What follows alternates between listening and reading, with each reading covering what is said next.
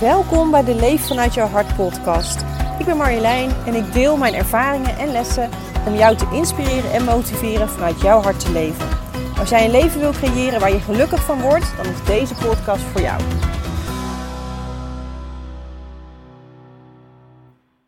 Ik sta hier op een uh, prachtige plek. Ik kijk uit op uh, bomen, een meertje, een prachtig weiland. Misschien hoor je de krekels uh, om me heen. Het is avond in Frankrijk. En terwijl ik hier sta, word ik enorm geïnspireerd om deze podcast voor jullie op te nemen. En deze podcast heeft alles te maken met je gevoel. En ik heb er wel meer over gezegd, maar je gevoel is zo belangrijk.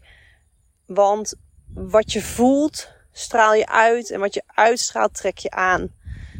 En het is natuurlijk soms super moeilijk om je ineens spontaan goed te voelen als je je helemaal niet goed voelt. En daar heb ik best wel wat ervaring mee.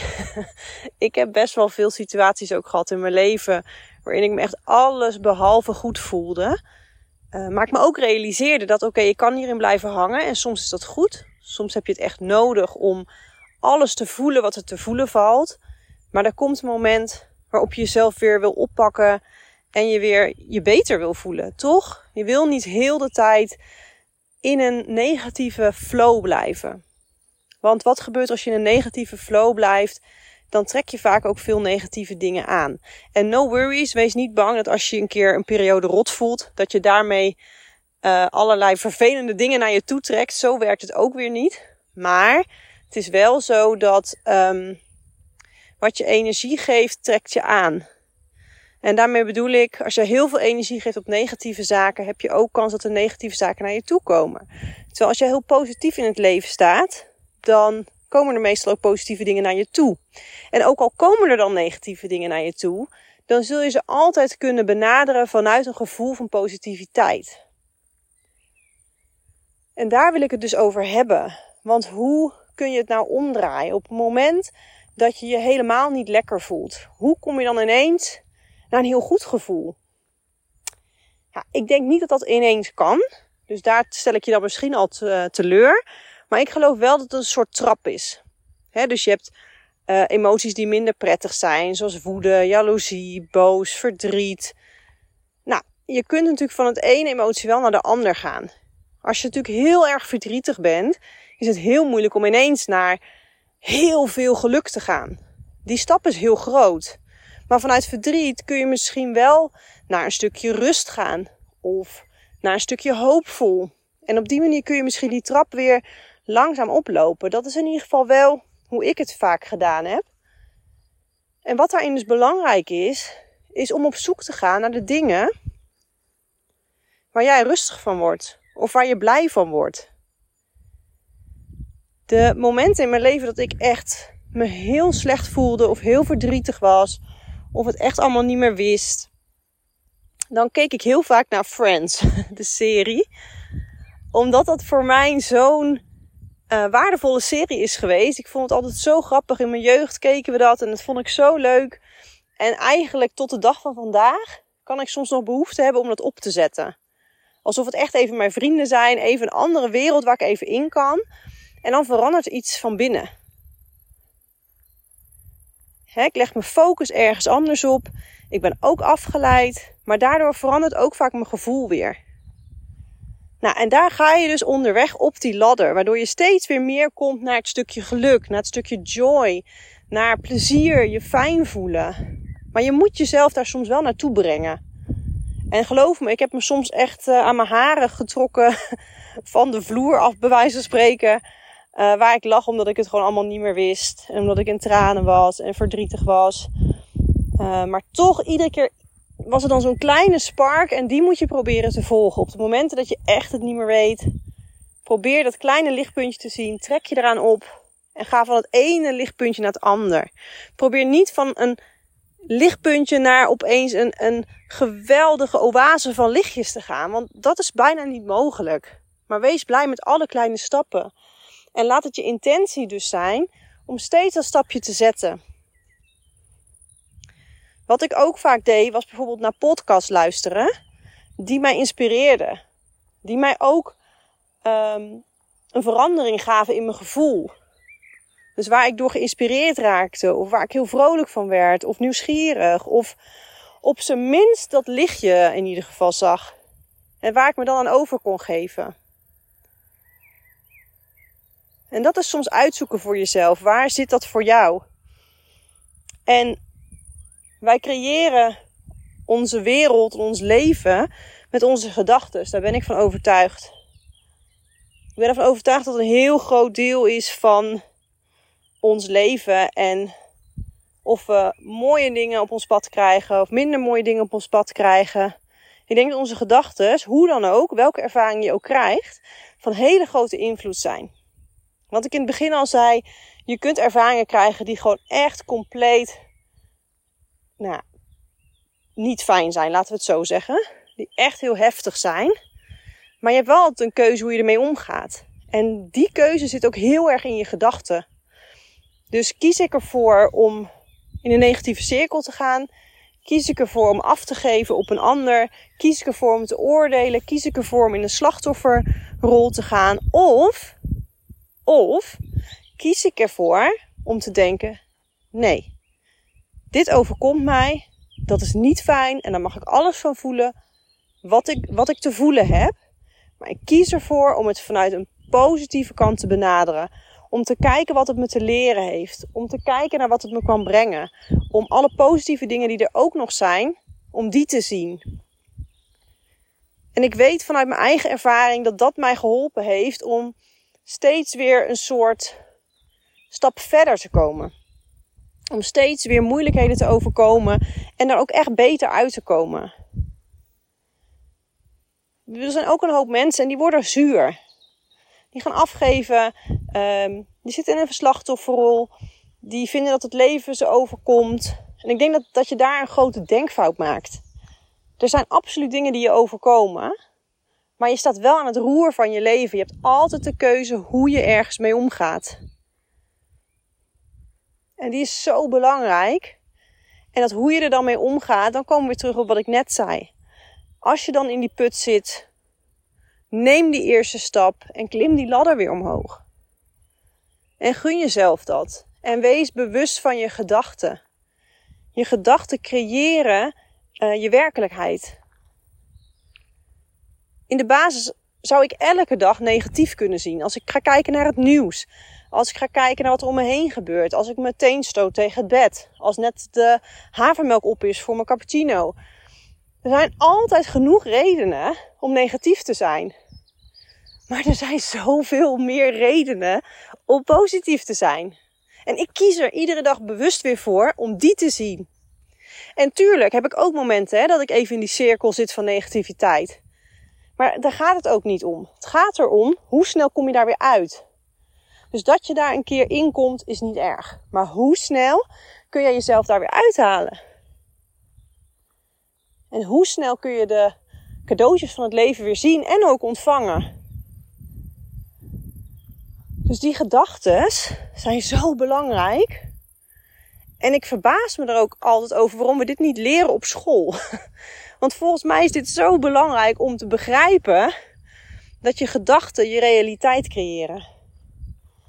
Als ik had gedacht dat ik nooit goed genoeg zou zijn om op een boerderij te wonen, dat ik nooit goed genoeg zou zijn om dat geld te verdienen, dat ik nooit goed genoeg zou zijn om mijn leven te delen met een geweldige man.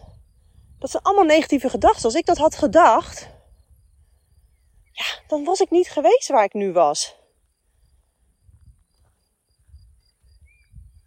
Want het probleem met gedachten is dat je ze vaak ook nog gaat geloven ook. En dat is niet erg als ze positief zijn. Maar als ze negatief zijn, nou ja, dan snap je wel hoe snel je in die spiraal gaat komen.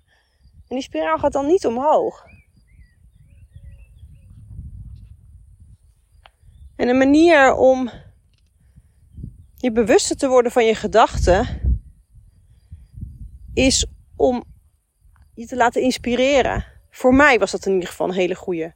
Om er boeken over te lezen, de juiste podcast over te luisteren, me te omringen met mensen die ook zo in het leven staan.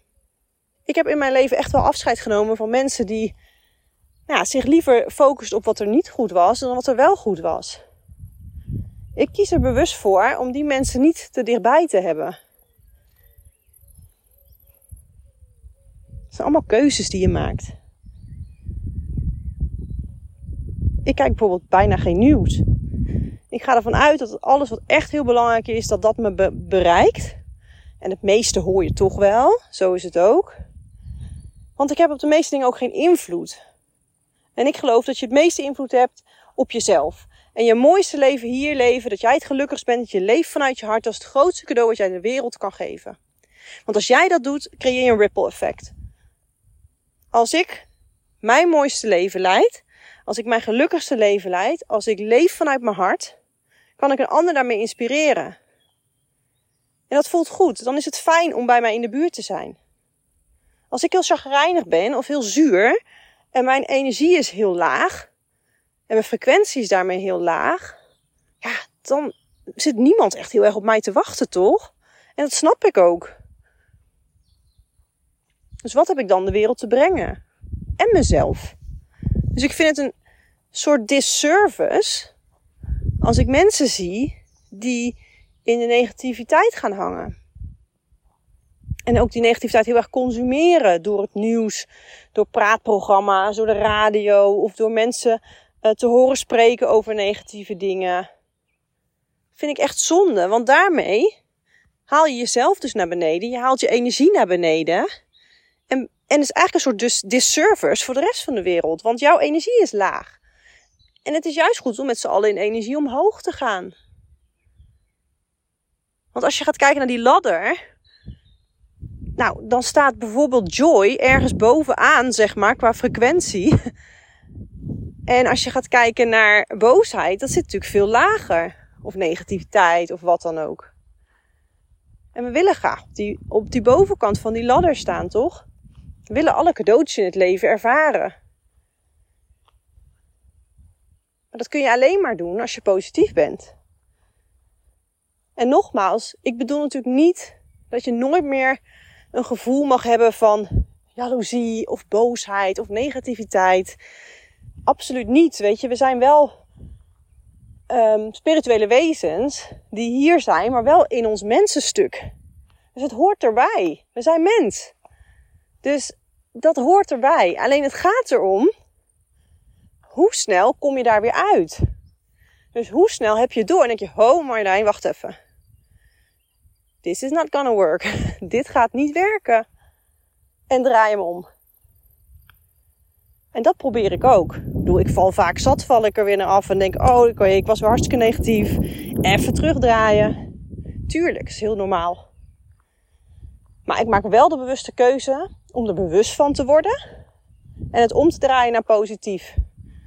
Want dan heb ik veel meer te geven op deze wereld. Voor mezelf, maar ook voor mensen om me heen.